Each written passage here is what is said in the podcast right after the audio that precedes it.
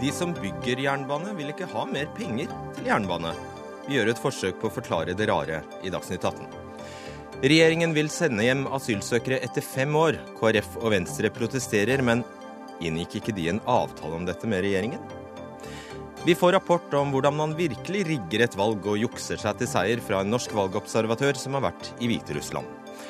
Og SOS Rasisme reagerte på at somalisk kvinne ble skutt på Grønland med paroler som 'kamp mot politivold og rasisme'. Slik ordbruk kan skape mer rasisme og hat, mener bydelspolitiker.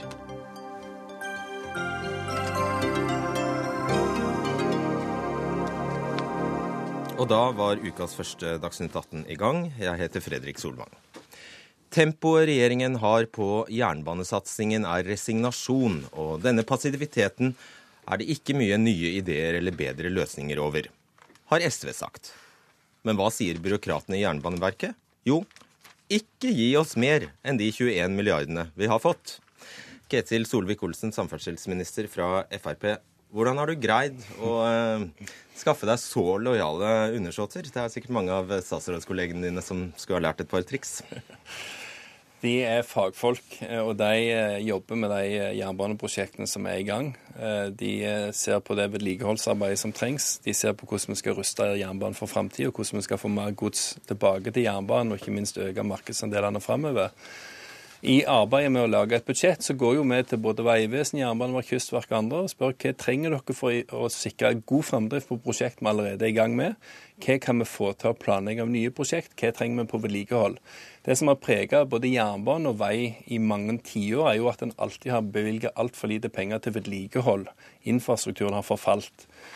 Det brukte vi eh, 2014 på å snu. I 2015 så reduserer vi forfallet. I 2016 skal vi redusere det enda mer.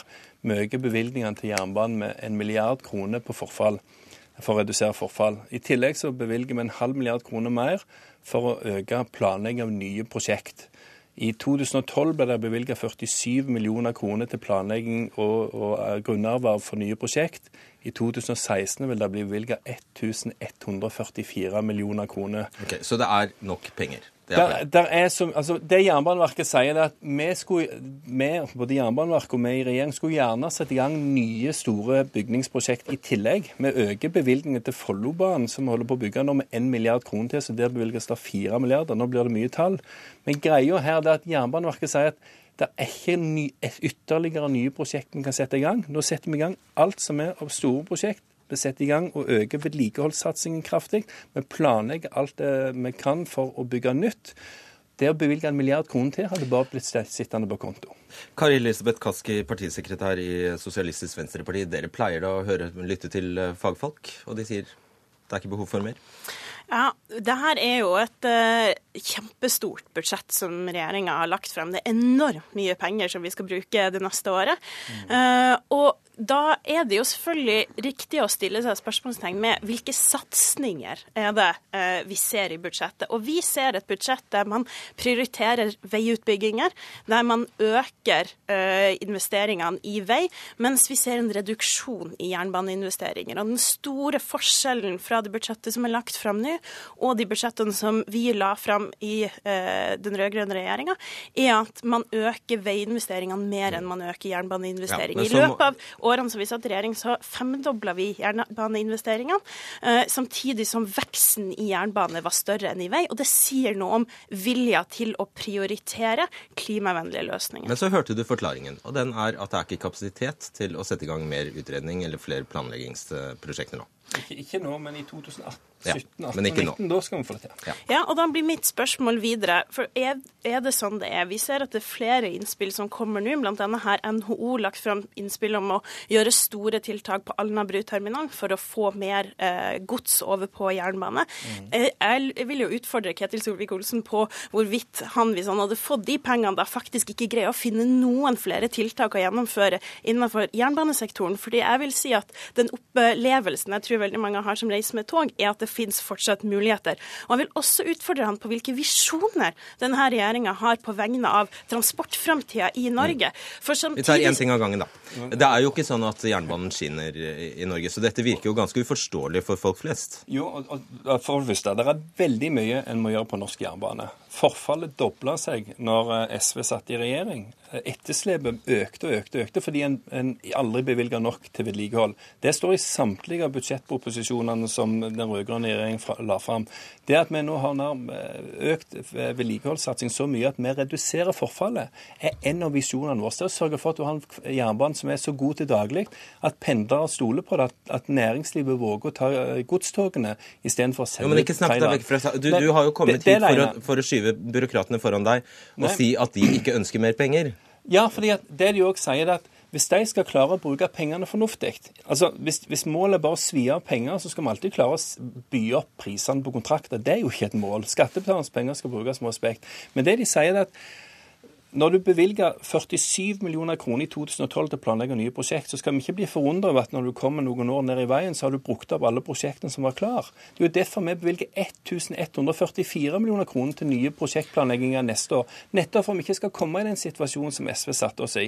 Min visjon det er jo å sørge for at jernbanen er så godt rusta at eh, kjøreledninger, sporskifter og alt dette holder stand, at du ikke har uforutsette stopp, og at vi har bygd ny dobbeltspor mange steder som øker kapasiteten, øker farten, og at du har fått på plass så mye bra investeringer på godsterminaler at mer av godset okay. kan gå på skinner. Ja, denne eh, visa begynner å bli litt gammel. altså Nå har denne regjeringa sittet i to år, de begynner på sitt tredje år nå. og Det å liksom gjentatte ganger trekke fram hva som har skjedd, da kan vi si at ja, grunnen til at vi måtte bruke de åtte årene på å øke investeringene i jernbanen, det var for at den forrige regjeringa før der igjen gjorde altfor lite på på ja, jernbanen. Og, sånn, og da snakker vi Bondevik. Og sånn kan vi holde på. Nei, det som er interessant, det, det er, jo, jo, men det som er interessant, er hva gjør vi framover? Sånn. Ja. Jeg kunne også trukket fram at samtidig som vi satt i regjering, så la Frp fram sitt alternative budsjett og alternativ budsjett der man reduserte vedlikeholdsinvesteringene eh, med 1,5 milliarder mindre enn det vi la fram når vi satt i regjering. Så det som er interessant, er å diskutere hva gjør vi framover. Og da etterlyser jeg nettopp de visjonene. ikke sant? For ingen Vi ønsker alle et mer velfungerende jernbanesystem.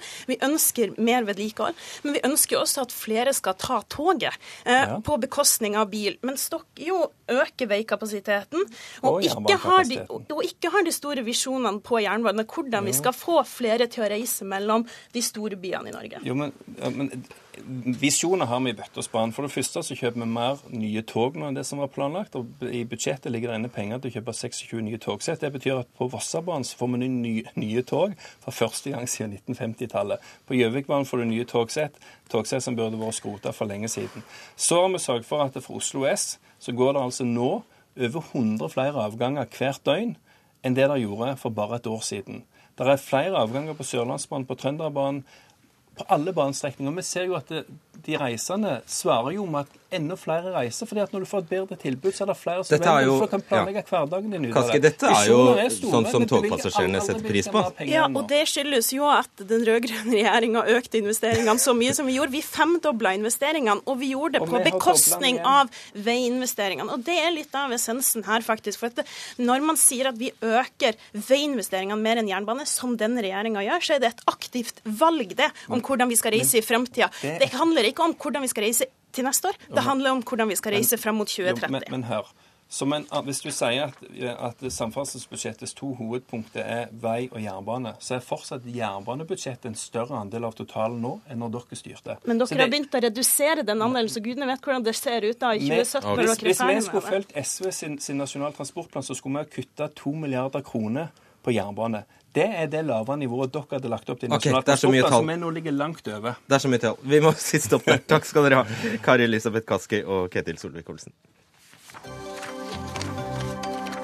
Dagsnytt 18 alle hverdager kl 18.00 på NRK P2 og NRK2.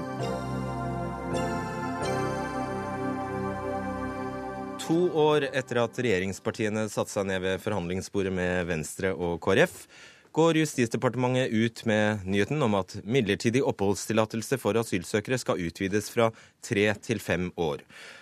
Men nå får Justisdepartementet kritikk fra både KrF og Venstre, som mener forslaget kommer på et dårlig tidspunkt, og bærer preg av feil fokus, som det heter. Geir Toskedal, innvandringspolitisk talsmann i KrF.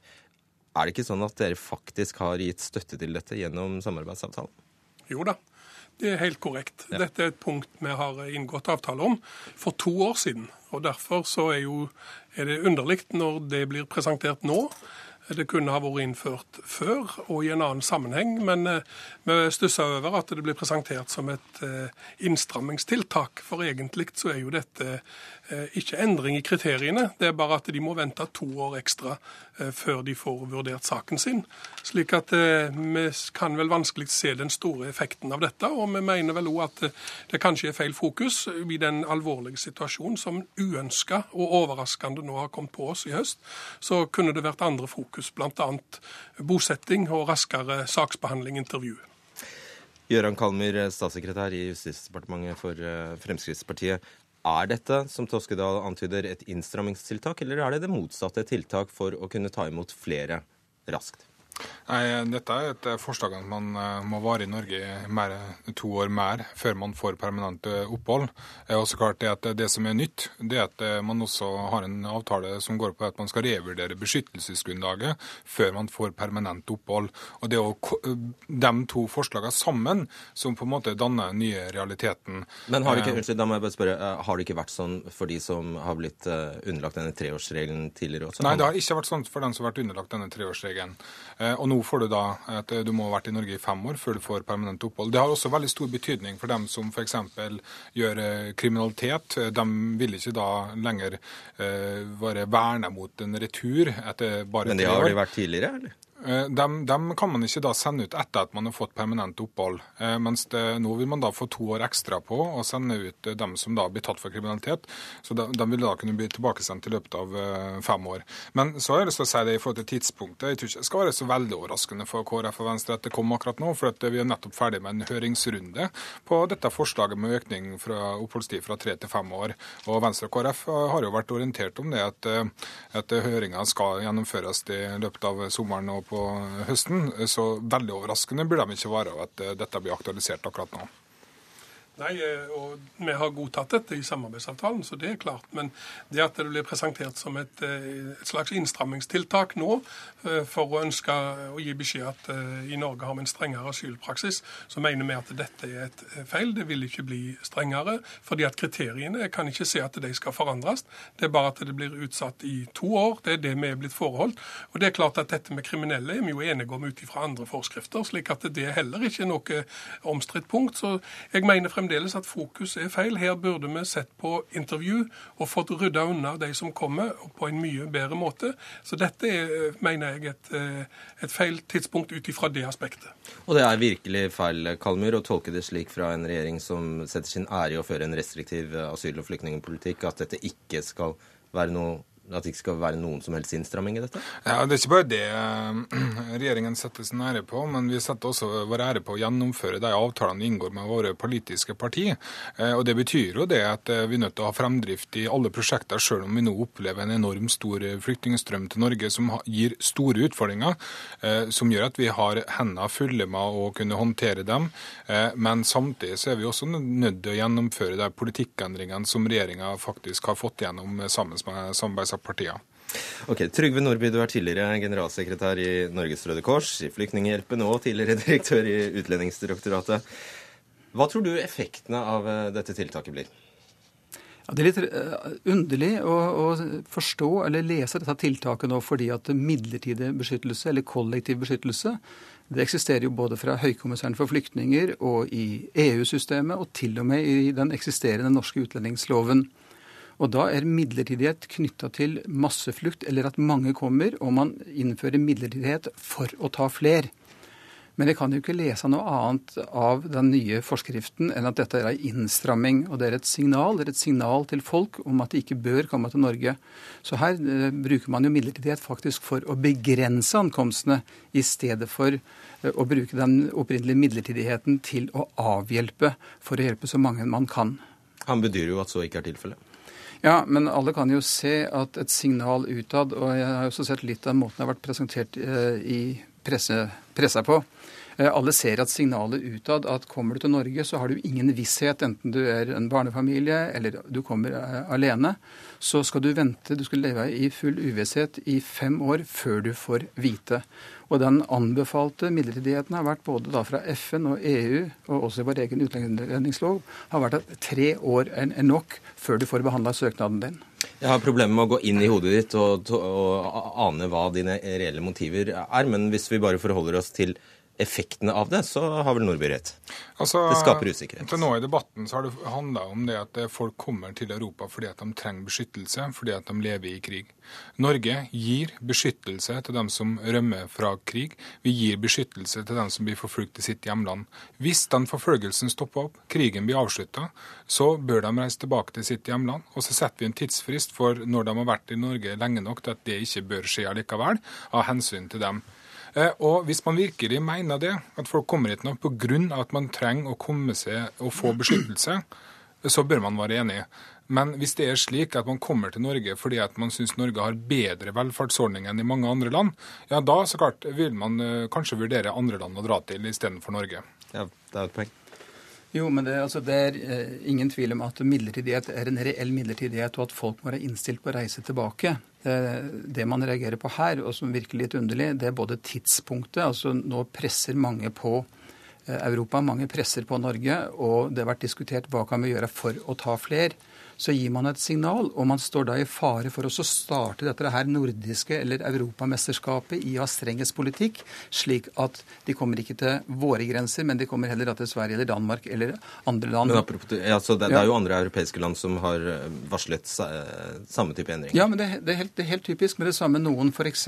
som vi så under eh, krigene på Balkan, men det samme noen starta med å innføre visumrestriksjoner for å unngå å få folk eh, inn på eget territorium så eskalerte jo det slik at uh, gjerdet ble høyere og høyere rundt omkring i Europa. Mm. Toskedal, har du tenkt på uh, noe som kan framstå som litt av et uh, paradoks? Hvis jeg har skjønt det rett, så, denne, så, underskrev dere på denne delen av avtalen i bytte mot en uh, varig løsning for asylbarna. Ja, det var en del av en hel pakke. Det var mange, mange punkt der vi fikk gode gjennomslag. Har du tenkt på hvor mange nye asylbarn en sånn løsning som dette her, fem år midlertidig i Norge, kan skape?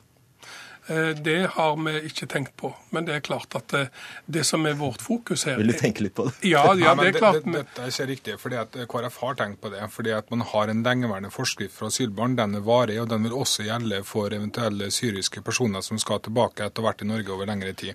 Så dette er håndtert innenfor den helhetlige avtalen. Det var det jeg skulle si. at uh, videre at vi har jo, uh, Når de nå utvider til fem år, så vil jo mange komme inn under at de allerede har så stor tilknytning til riket at de får bli. Og Det gjør det ekstra underlig at dette kommer på dette tidspunkt.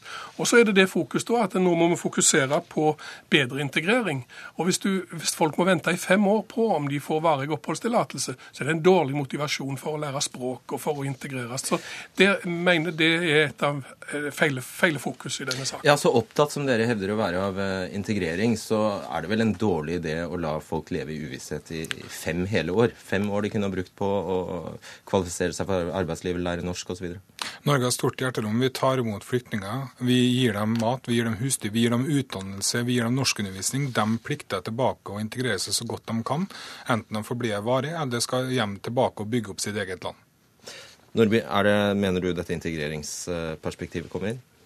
Dette her har vi vel også lært at uh, enten man skal uh, hjem eller man blir, så er det viktig å komme i gang med integrering så tidlig som mulig. Og det er klart, I en situasjon hvor du kommer fra en krigssituasjon og du er fullstendig nede for telling, kanskje både psykisk og fysisk, så er det klart det har noe med motivasjon å gjøre.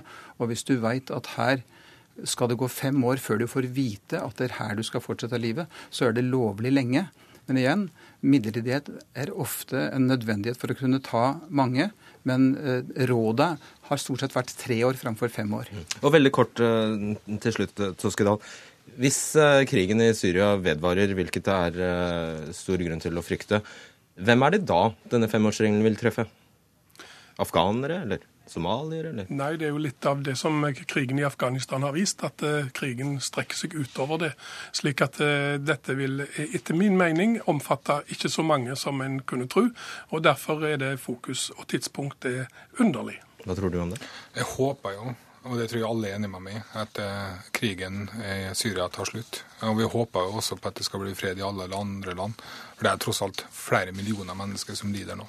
Ok, Takk skal dere ha. Geir Toskedal, Gøran Kalmer og Trygve Nordby. Gidder du bare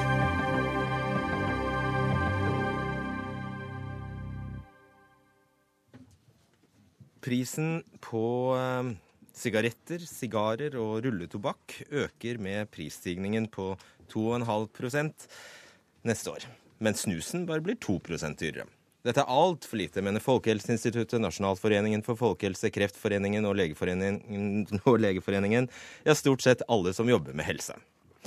Petter Brelin, du er leder for Norsk forening for allmennmedisin, og du vil faktisk tidoble de to prosentene og ilegge tobakk et avgiftshopp på 20% Ja, det vil jeg gjerne.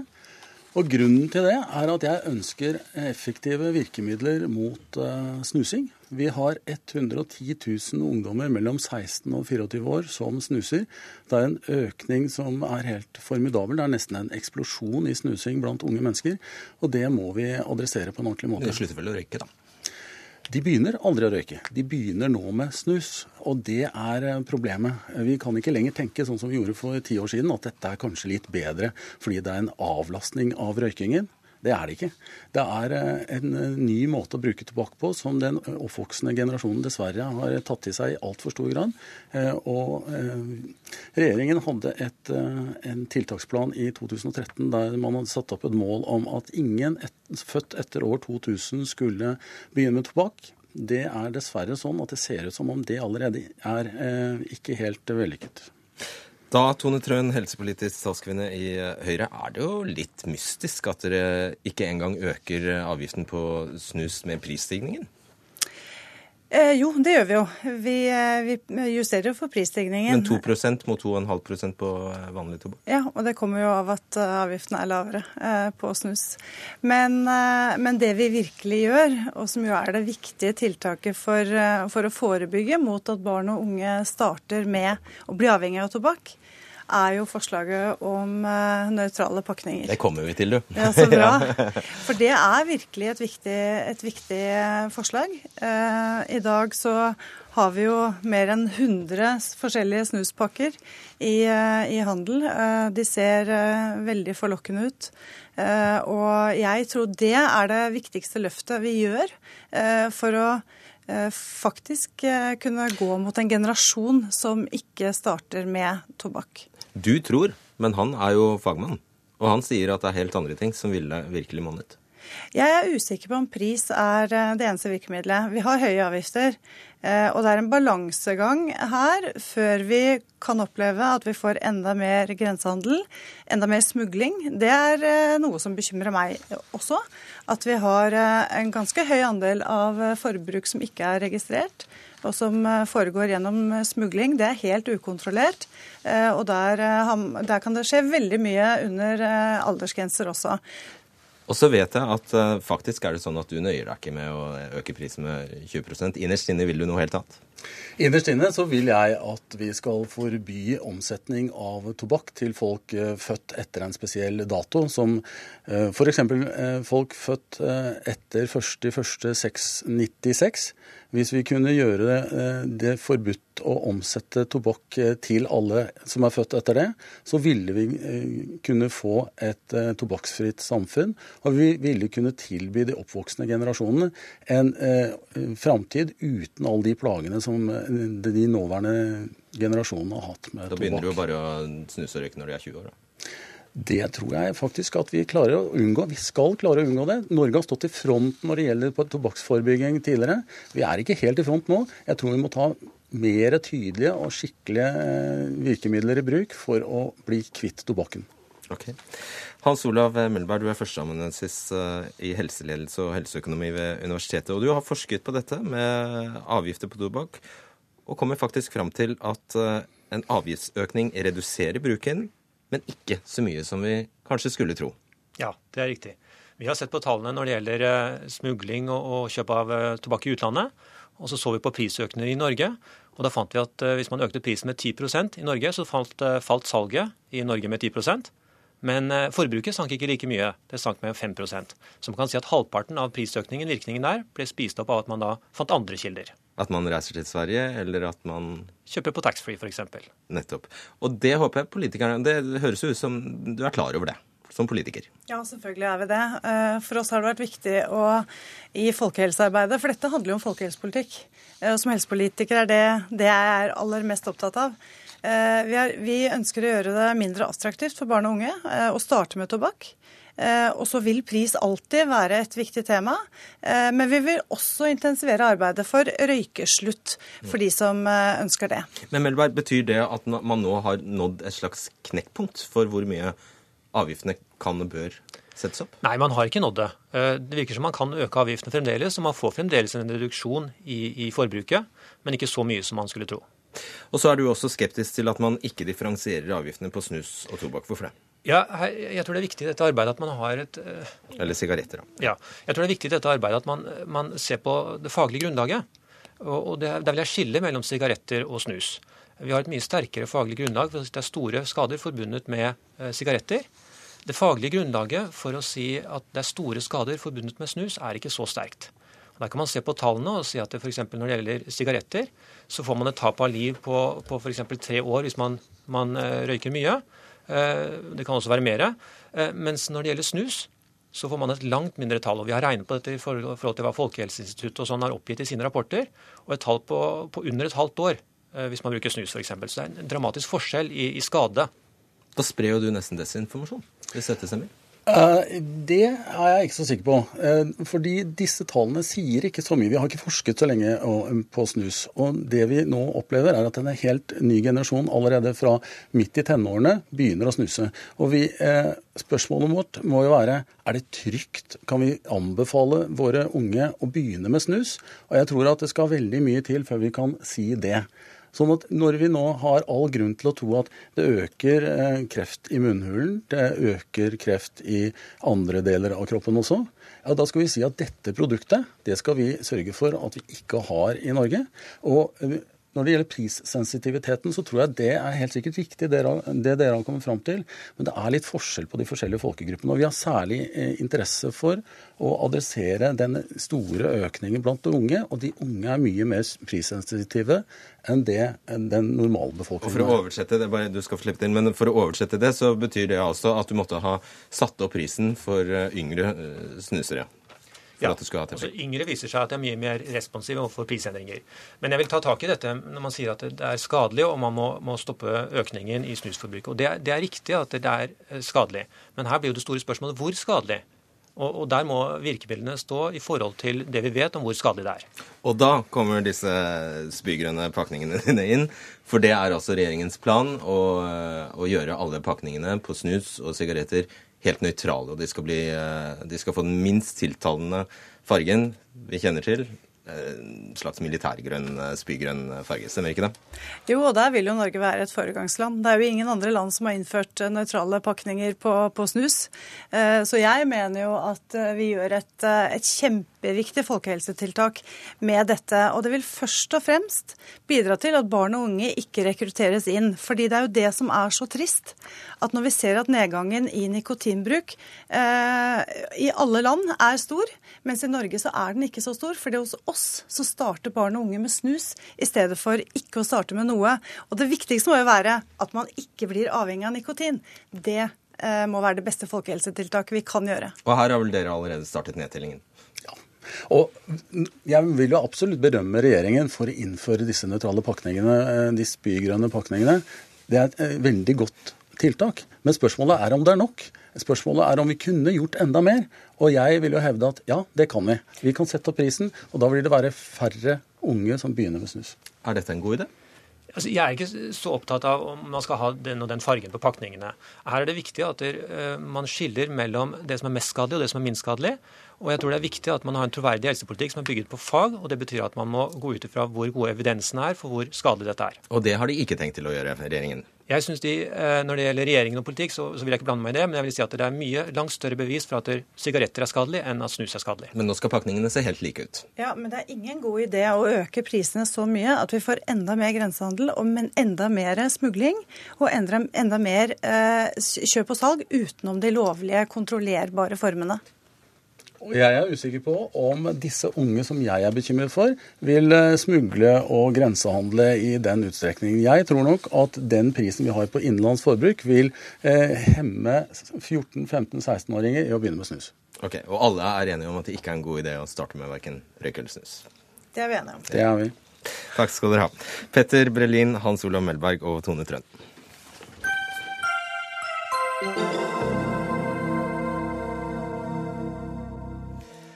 Etter helgens valg i Hviterussland kan Aleksandr Lukasjenko ta fatt på sin femte periode som president. Mens EU og andre vestlige institusjoner har applaudert tegn på oppmykning i Hviterussland, beskrives landet av menneskerettighetsorganisasjoner fortsatt som et diktatur etter sovjetisk modell.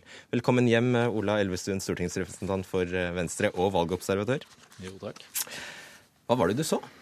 Nei, Jeg var jo helt eh, vest i Hviterussland, i Grodna, og fulgte da gjennom hele valgdagen. Fra åpning på valglokalene gjennom da det som pågikk på dagtid, som var egentlig ganske korrekt og, og pyntelig. Man fikk anledning til å velge, og også velge i hemmelighet. Men så kommer jo selvfølgelig opptellingen, og det er jo opptellingen som er den eh, avgjørende. Og det er helt klart at der kommer det tall ut fra ingenting, som ikke har noen sammenheng med de faktiske stemmecellene som er levert. Så dette er et vel gjennomført og redigert eh, bedrag fra en til annen. Hvordan skjer det i praksis, da? Nei, i Tilsynelatende så er det som det man kan kjenne igjen fra mange, mange valg, gjennom at eh, man, man åpner da stemmeurnene. Dette stemme, Stemmesedlene samles på samme bord. Disse telles individuelt fra de som er til stede. og Det er viktig at alle, stort sett alle, de som er, jobber ved valglokalene, er også fra, er utkommandert fra de, fra de statslige sider, enten det er organisasjoner eller bedrifter eller annet. Men det de teller, det summeres ikke i plenum plenum. De skriver, ned, de skriver ned det de teller på noen lapper, eh, som er også offisielle. Og så samles disse inn, og da blir det stemmestyreleder som får disse. Gjennomgår de, gjør noen kalkulasjoner, eh, og så kommer da tallet til slutt, og tallet har helt opplagt ingen sammenheng med fordelingen på stemmeseddelen, som vi også jo har observert og sett som ligger på bordet. Er du 100% sikker på det?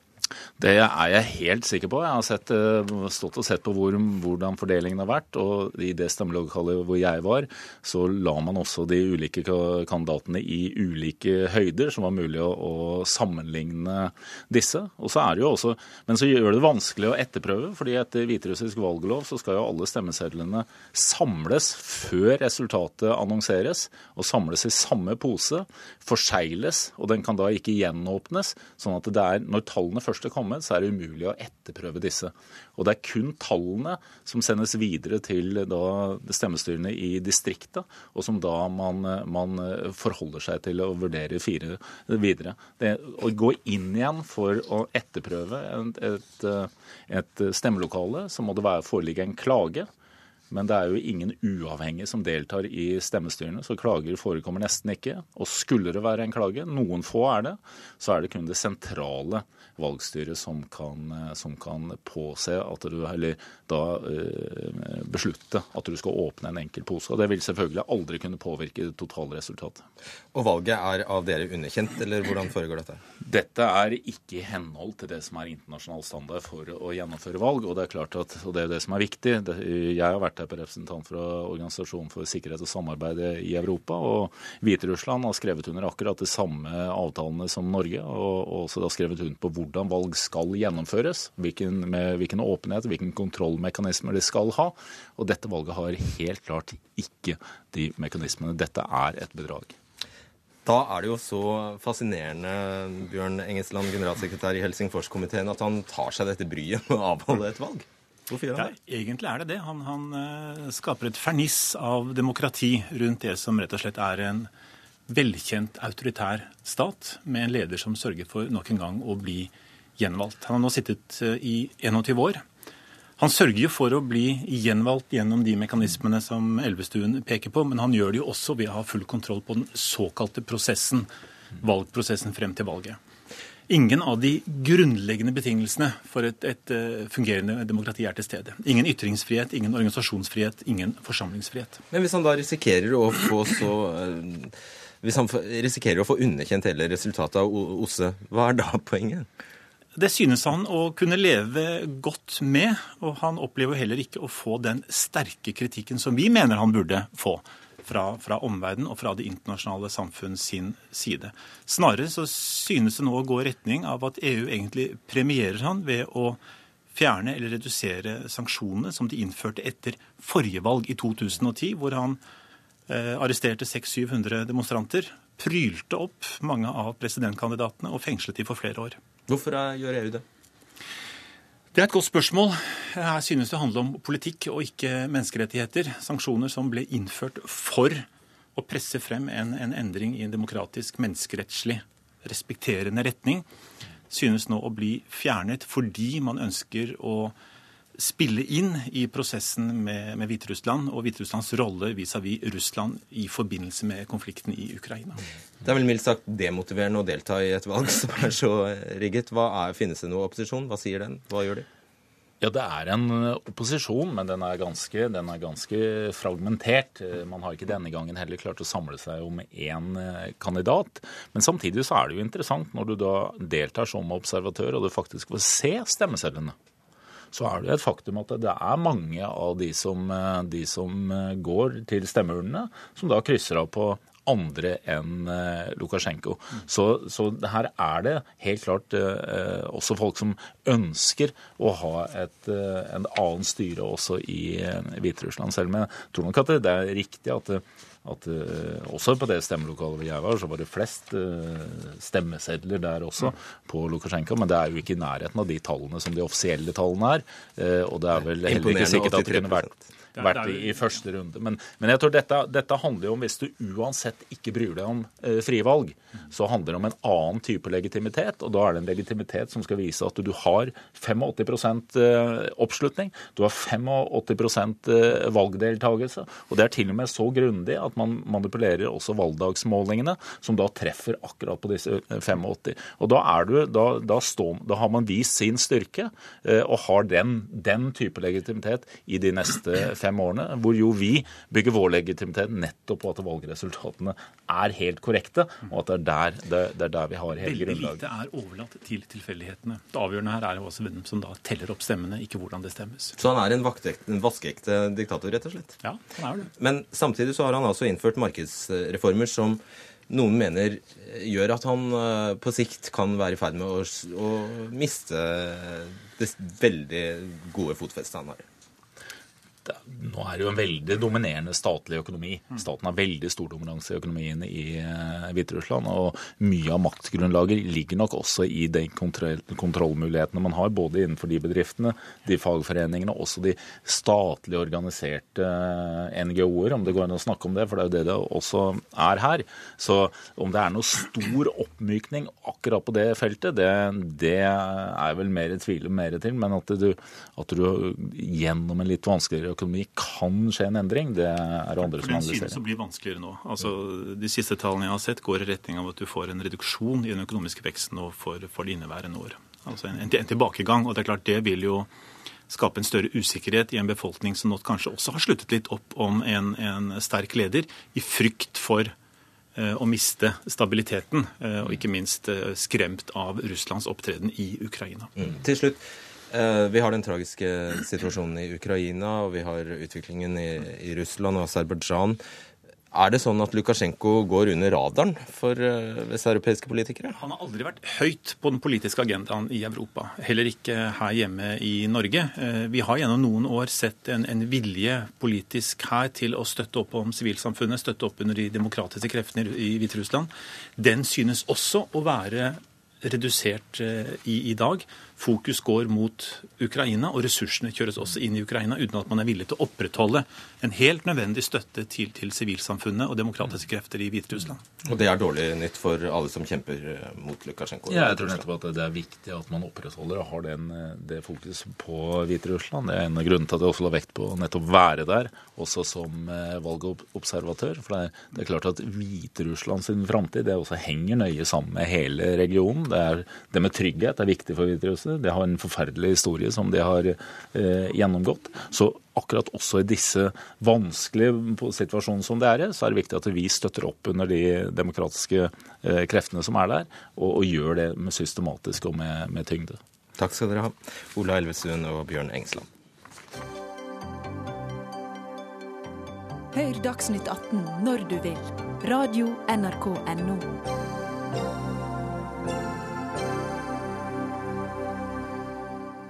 Regjeringen mener den innfrir et av løftene i Sundvolden-erklæringen i statsbudsjettet, nemlig å innføre et skattefradrag for eh, enøkinvesteringer i hjemmet. Men vent litt. Er ikke dette den gamle tilskuddsordningen til Enova i ny innpakning? Den ordningen som vel ikke kan sies å ha vært en braksuksess med kun 2723 tilskudd utbetalt i hele landet så langt i år. Marius Holm, daglig leder i Zero. Dere har fått dette skattefradraget dere har mast om, strengt tatt? Ja, på papiret så har vi jo det, men det er jo ikke noe nytt i denne skattefradragsordningen. Og jeg er veldig skuffa, fordi i valgkampen for to år siden så var regjeringspartiene veldig eh, ivrige på at skattefradrag er måten å stimulere atferdsendring og investeringer i det tusen hjem på. fordi folk er veldig glad i å spare skatt. Det appellerer på en måte til noe ganske dypt i oss at vi vil spare skatt, og man fyller ut selvangivelsen. Men søknadsskjemaer til Enova er, er litt mer fremmed, og noe som veldig mange egentlig ikke engang undersøker muligheten for. Og det vi har fått nå, er jo en uh, ny avkrysningsrubrikk på søknadsskjema hvor du kan velge å få støtten som er der fra før, som ikke har fungert godt nok, få den utbetalt på en annen måte, altså som skattefradrag istedenfor å få den eh, overført eh, på ja, konto. Da er det, det skattefradrag. Ja, da er det skattefradrag. Og det eh, var jo ikke det vi eh, så for oss. Og det, når regjeringen tiltrådte, så ble jo nettopp dette skattefradraget fremstilt som den store forsterkningen av klimaforliket. Det var på en måte programmet tiltredelseserklæringen til Tine, Tine Sundtoft. Okay. Og nå står vi med akkurat det samme. Så din uh, antagelse er at dette bare ikke vil fungere? Det blir iallfall ingen endring. Nettopp. Tord Lien, olje- og energiminister fra Fremskrittspartiet. Er du klar over hvor elendige resultatene på dette feltet faktisk er? Er du klar over hvor lite penger Enova har greid å dele ut dette, i den tilskuddsordningen så langt i år? Jeg er klar over at vi fra 1.1 i år innførte en ordning som er veldig enkel å forholde seg til, som er veldig lite byråkratisk. Og Enova presenterte i den anledning en liste over tiltak som man kunne søke støtte til. Eh, så har vi sett at eh, ordninga har ikke fått like mange søkere som vi kunne håpe på. Derfor er Enova allerede i gang med å innføre nye tiltak som kan få støtte. Nye tiltak er allerede innført, og flere tiltak vil bli lagt eh, på, på lista. Men måten denne ordningen er organisert på, er god allerede. Nå blir den utvida med også ja, kunne gi skattelette. Siden du sier at ordningen er god, så må jeg bare fortelle deg hvor dårlig den faktisk fungerer. Altså, Enova har i dag en pott på 250 millioner som du viderefører neste år. 250 millioner i tilskudd som de kan dele ut. De har til nå greid som jeg sa, 2723 tilskudd i hele landet. 36 millioner har de greid å dele ut. Men nå er det sånn at eh, som jeg sa, så ble denne ordninga innført i år. Eh, Ordninga er sannsynligvis ikke godt nok kjent der ute ennå. Derfor er det jo bra at eh, Marius og jeg sitter her hos, eh, på Dagsnytt 18 og diskuterer ordninga nå foran hele det, det, norske folket, i hvert fall mange, nei, mange, mange nordmenn. Eh, så er det sånn at uh, den støtta som allerede er utbetalt, uh, er jo én ting, men folk kan jo søke om støtte i hele fire måneder etter tiltakene er gjennomført, så disse tallene vil jo øke. Men, men i tillegg så vil altså nå Enova, Enova har allerede utvida tiltakene som er støtteberettiget, og dette arbeidet vil fortsette, slik at vi faktisk når regjeringa sin ambisjon uh, om at 250 millioner aksjoner i året skal utbetales til tiltak i, for Enok i norske hjem. Men bare så svar kort på- så- jo, men men for å bare- si- må jeg si en ting. Poenget med Enova er jo å gjøre ulønnsomme tiltak lønnsomme hjelp av støtte. Det er jo ikke, som jeg noen ganger får inntrykk av at Marius Holm ønsker, at vi skal gjøre lønnsomme tiltak enda mer lønnsom. Da får vi lite klimaeffekt ut av de pengene vi, vi bruker på å bygge et mer eh, robust og klimaeffektivt eh, energisystem. Men bare svar veldig kort på altså, Den eneste endringen du gjør Du lager ingen endringer i selve ordningen. Den eneste endringen du foretar, er altså utbetalingsmåten. Du legger til én utbetalingsmåte. Nei, Tvert imot så er vi nødt til å være ydmyke på at vi la fram en ordning som er enkel og uby ubyråkratisk, og rammen er veldig god, mener vi. Samtidig så må vi være åpne på at vi er nødt å jobbe dynamisk med tiltakslista, nettopp for å nå målet om, eh, om å bruke 250 millioner kroner i året på denne typen eh, tiltak. Hvordan kunne det vært gjort? Ja, det, det vi så for oss, og som vi, jeg tror de fleste politikerne i Høyre og Frp så for seg når de gikk til valg på dette her, var jo en ordning hvor du rett og slett eh, har en lang liste med tiltak. Alle gode enøktiltak bør, bør jo stå på den lista, sånn som de aller viktigste, det å isolere huset bedre og skifte vinduer, de er ikke på lista. Eh, og så vil, vil det være sånn at hvis du da eh, gjør den jobben, du gjør det ordentlig, du gjør det hvitt, du får kvittering, og du kan bruke den som et bilag og få skattefradrag enkelt og greit, ferdig med det. Det er jo sånn det er. Ja, Men nå er det altså en søknadsskjema du må fylle ut akkurat som før, og så er vi like langt. Og så må vi jo se på 250 millioner. Altså 250 millioner er ikke en stor satsing på enøk. La meg sette dette litt perspektiv. Vi har et energiforbruk i Norge som er, på, eh, som er 50% fornybart, 50% fossilt. Hvis vi skal bli kvitt alt det fossile, som vi må på noen tiår, så er energieffektivisering den aller billigste måten å få tak i energi på, og den er veldig miljøvennlig, for den gir ingen utslipp, det å spare energi. Og Ja, si hvor lite 250 millioner er, da. Vi, vi, vi kunne, vi, hvis vi hadde vi kan, vi, vi, kunne, vi kan få noen få uh, gigawatt-timer med dette her. Men altså, hvis vi hadde satsa skikkelig på enøk, så kunne vi f.eks. på løpet av en tiårs tid fått nok eh, spart strøm til at alle biler i Norge kunne gått på strøm. Altså dekket hele energiforbruket til en hel bilpark bestående av elbiler. Det er potensialet vi står overfor på energieffektivisering, som vi ikke får med 250 millioner kroner. Jeg har på ene sida stor forståelse for at Marius Holm er utålmodig. Det er på, på mange måter jobben hans. Eh, Samtidig så må vi òg ha forståelse for at denne ordninga ble innført eh, i vinter. Vi jobber med å gjøre den bedre. Men at eh, Marius Holm kan påstå at den ordninga vi har hatt på plass nå fra og med i år, er like dårlig som den ordninga de rød-grønne hadde, som var mye mer byråkratisk og involverte mye mer arbeid for, for den enkelte, det forstår jeg virkelig ikke. Du det er jo ikke bare fra den kanten du får kritikk. Du får faktisk helslakt fra Norsk Boligbyggelag, som kaller dette en eneste stor bløff fra regjeringen. Det hele kan tolkes som en sleip måte å kvittere ut Stortingets anmodning og egen regjeringserklæring på, sier viseadministrerende der. Og som sagt, eh, Vi har starta denne ordninga denne vinteren. Eh, Vi ser at ordninga ikke er godt nok kjent, men vi ser også at ordninga faktisk eh, fungerer, om enn ikke i det omfanget vi hadde håpet. Derfor har, vi, har Enova allerede lagt til nye tiltak. eh, Og jobber nå med å legge til flere tiltak på lista. Men det vil altså ikke bli sånn som enkelte ønsker, at lønnsomme tiltak skal gjøres enda mer lønnsomt gjennom støtte fra eh, offentlige midler. Lista, De- de lista som større, er- men det er begrensa. De tiltakene som er lønnsomme nok, de skjer jo av seg sjøl. Så de trenger vi ikke eh, å støtte mer. Men vi ser jo at de skjer ikke. Det skjer veldig lite. Og jeg syns det er ganske friskt å kalle det en storsatsing når vi ser i tabellene om eh, hvor mye dette skal koste. Så skal det altså koste null kroner. Fordi hver eneste krone som går til denne ordningen, skal tas fra Enovas eksisterende budsjett. Så det går, hvis det blir en suksess, hvis dere øker rammene sånn det blir mer enn 250 millioner, så blir det mindre penger til omstilling av industri og transport og andre sektorer som Men Enova vi støtte. vi kan- på rammen på 250 millioner kroner den har vært eh, kjent hele tida. Så jobber nå regjeringen med at de faktisk fyller denne ramma med Ja. enøktiltak i norske hjem. På Kjørbo i Bærum har to 25 år gamle kontorbygg blitt en verdenssensasjon, skriver Aftenposten. Ett år etter rehabiliteringen er det totale energiforbruket kuttet med 80% og nå produserer disse byggene mer ren energi enn de bruker. Men når de som eier bygningen ikke får selge overskuddsstrømmen dyrere enn markedspris, ja da er det ikke mange som gidder å bygge slike plusshus. Det frykter dere i Asplan Viak. Peter Bernard, du er energi- og miljørådgiver der. Og dere står bak disse bygningene som kalles Powerhouse i Bærum. Hvorfor er det ingen som gidder det? Nei, det Powerhouse på, i Barom det var et samarbeidsprosjekt mellom, fra, mellom partnere i norsk byggeindustri, og, og det ble opprinnelig eh, klekket ut på en Zero-konferanse i 2010. Og, og, og det er i utgangspunktet et pilotprosjekt for å finne ut om det i det hele tatt er mulig med vårt klima uh, på 60. breddegrad, hvor det er minus 20 grad om vinteren, å kunne bygge et hus som, som over året har pluss energi. Og, og, det var ja, når vi begynte med det, var det ikke opplagt at det vil være mulig. Og, og, når vi nå har et år med driftserfaring, er vi veldig positivt overrasket at det er faktisk mulig at man kunne bygge veldig mange eh, tilsvarende hus i Norge.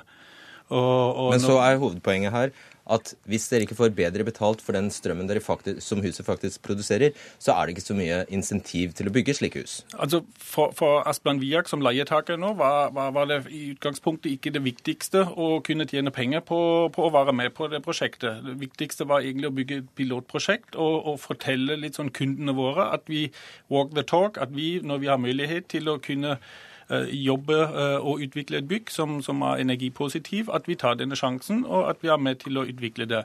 Men, men det er riktig det du sier, at hvis vi skal uh, innfri la oss si løftet fra Oslo, eller det som står i det grønne skiftet fra, fra Oslo kommune, at uh, 1,5 TWh energibesparelse innenfor bygg skal realiseres innen 2020, da trenger vi 1000 sånne hus innen fire år. Og, og, og, da er det ikke bare eh, entusiaster og, og pilotprosjektdeltakere som, som, må til, da må det være lønnsomt. Og det ser jeg ikke at vi er i stand til i dag. Og da må jo du gjøre det lønnsomt. Nei, men det er nettopp derfor jeg er glad for at Enova, som vi nettopp har sittet og diskutert, er jo med på å realisere en lang rekke sånne her typer prosjekter. Så vidt jeg vet, så har de også vært med på å realisere Powerhouse og mange av de andre store, viktige signalprosjektene er jo realisert nettopp fordi at Enova har fått eh, finansiell mulighet til å være med og gjøre denne type løft, og nettopp fordi at vi har sagt at vi må tørre å prioritere de, de store Ja, så har jeg eh, merka meg at man har argumentert fra en del eh, hold at eh, plusskundeordninga eh, som i dag er på plass nettopp for å stimulere til etablering av solkraftproduksjon, er tilpassa små utbyggere, og at de store utbyggerne heller vil delta i den grønne sertifikatordninga og få betalt for den krafta som produseres. Derfor har NVE satt i gang et arbeid med å muliggjøre at, at selskapene skal få ta det valget, og det er vi i ferd med å komme på, på plass nå. Okay, vet ikke om jeg skjønte alt du sa nå, men kort til slutt. Ja, det er jo det er litt uh, rart at uh, vi behandler uh, solenergi dårligere enn andre fornybare energikilder. For solenergi er jo den som har aller minst miljøkonsekvenser. Det er, Du trenger bare, altså du forandrer litt farge på et hustak. Det er den eneste konsekvensen solceller har som er synlig. Og vi, vi, vi, lager oss et handikap i, Norge når vi gjør det vanskeligere ta, for forbrukeren å ta del i det grønne skiftet som forbrukere, som smarte grønne forbrukere, enn det er i andre land. Vi, vi har, eh, som eh, Bernard sier, vi har, selv om det er kaldt i Norge, så produserer et solcellepanel på et norsk hustak like mye som i Italia. Vi må si takk til dere der. Tord Lien, Marius Holm og Peter Bernhard.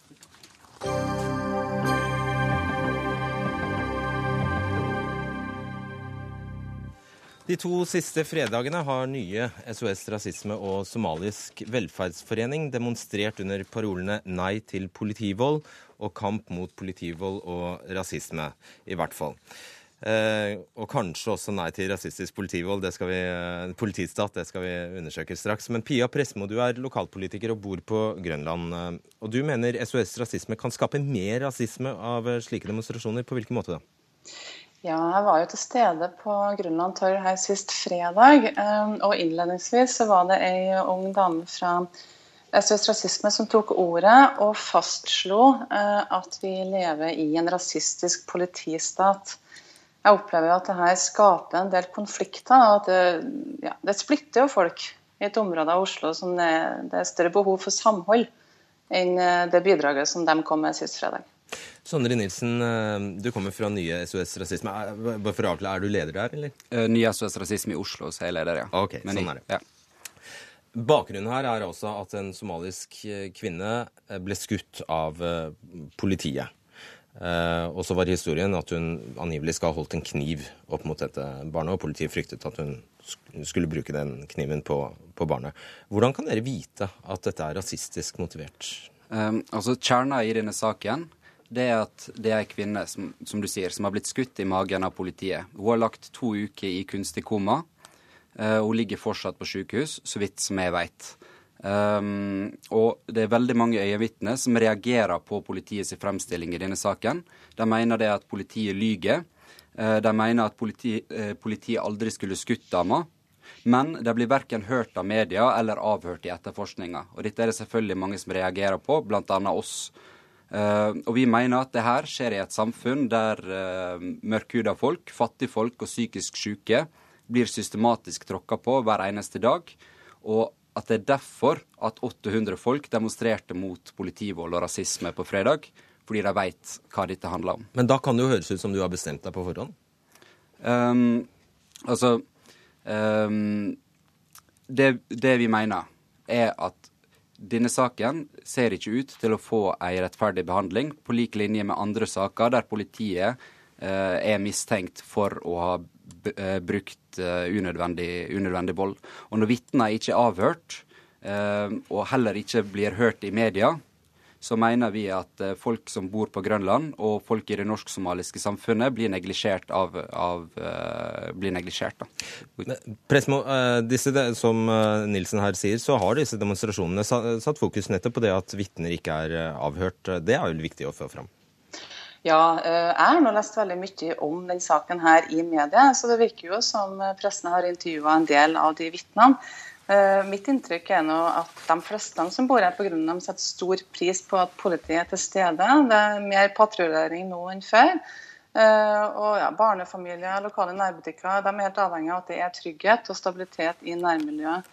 Og når man først da skal stå og, altså Hvis man først har et frivillighetsengasjement, så tror jeg ikke det hjelper å, å fyre opp folk med å, med å si at man lever i en rasistisk politistat. Jeg tror Dersom man har lyst til å bidra til et bedre samfunn på Grønland, til å bygge nabolaget, så kan man jo heller bli med oss som jobber en del frivillig her. da. Gå natteravn, meld deg som leksehjelp, besøk ensomme eldre. Ikke gå med slagord i gatene og fyre opp folk til å bli forbanna på hverandre. Det er ikke måten å løse det på. Det er litt kjedeligere kanskje, Nilsen, enn å demonstrere? Det handler ikke om at, at det er kjedeligere. Altså Det at uh, folk kan demonstrere og protestere når de vil det, det er en grunnleggende demokratisk rettighet. Og vi trenger ikke politikere som forteller folk hva de skal demonstrere for, og når de skal demonstrere, og hvordan de skal demonstrere. Dette er det folk sjøl som avgjør. De, kjenner hvor skoa trykker, og de vet hva saker de bryr seg om, og hvordan de tenker. Eh, det, det her er ikke et spill. altså Folk demonstrerer fordi at de reagerer på noe helt konkret og ekte som skjer. Er det sånn at du ikke fester noen lit til, eh, til eh, resultatet av denne etterforskningen Åkkesom? Um, det får nå vi bare se, uh, hvordan, hvordan, dette her skjer videre. Men det som vi vet fra tidligere saker, er at uh, i Spesialenheten så er det politiet som etterforsker seg sjøl og at sannheten ikke nødvendigvis kommer på bordet. Langt flere saker hos Spesialenheten henlegges enn øvrige saker i uh, øvrige anmeldelser. Ja, det, er vel, ja, det er vel uenighet om ja, altså, de der er, nå, nå, må jeg bare få bryte inn her. fordi SOS Rasisme de representerer ikke mitt nabolag. Jeg bor i blokka der det her skjedde. Jeg gikk forbi fem minutter før skuddet falt med min egen femåring. Vi som jobber frivillig, vi som står på for å bygge, for å løfte grønlandsområdet, vi opplever at politiet er profesjonelle, de er hjelpsomme, de rykker ut kjapt. Eh, og det, Vi er lytteposter her i lokalmiljøet. Vi lar oss inspirere av Tøyen-kampanjen, og vi prøver å bygge stein for stein. Så at SOS Rasisme nå prøver å kuppe denne anledninga til å fremme seg sjøl, det syns jeg er helt uspiselig. Uh, dette her må jeg bare kommentere direkte. Altså, Jeg også bor på Grønland, så det er ikke et argument. Uh, veldig mange av de som var med og demonstrerte sammen med oss, bor også på Grønland. Vi har, har oppholdt meg masse i Motsvelds gate der dette her skjedde, og snakka med flere øyenvitner. Eh, du bor i den samme blokka, men du har sjøl sagt at du ikke var øyenvitne. Du har også oppfordra norsk-somalierne til å ikke demonstrere mot politivold, men til å demonstrere mot uh, tvangsekteskap og kjønnslemlesting osv. Altså, folk velger sjøl hva de vil demonstrere for når de føler for det, og når de føler at de ikke blir hørt og at urett er begått, da har de full rett til å demonstrere. Okay, det er fullt mulig at SOS Rasisme vet mer om saken her enn politiet gjør. Men det som er i hvert fall helt sikkert, altså mens vi venter på at etterforskninga skal bli ferdig, det er at naboene oppfatter situasjonen rundt barnet som så truende at de ringte politiet. Det vet vi helt sikkert. Ja, altså Det er veldig mange øyenvitner som reagerer på denne fremstillinga. Og jeg gjentar, altså, de blir ikke hørt, de blir ikke hørt av media. Du fremstiller det sånn at, dine, eh, at det er helt sikkert at denne kvinna eh, holder på å eh, knivstikke et barn.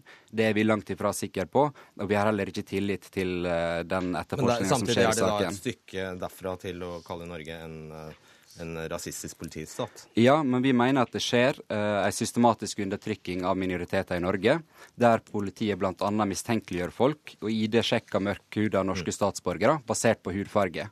Og vi, Vi må- mener at Ja, vi må sette strek der. Ok. Takk skal dere ha. Eh, ansvarlig for denne sendingen var Ida Tune Øresland. I teknikken satt Guri Finsen, og i studio Fredrik Solvang.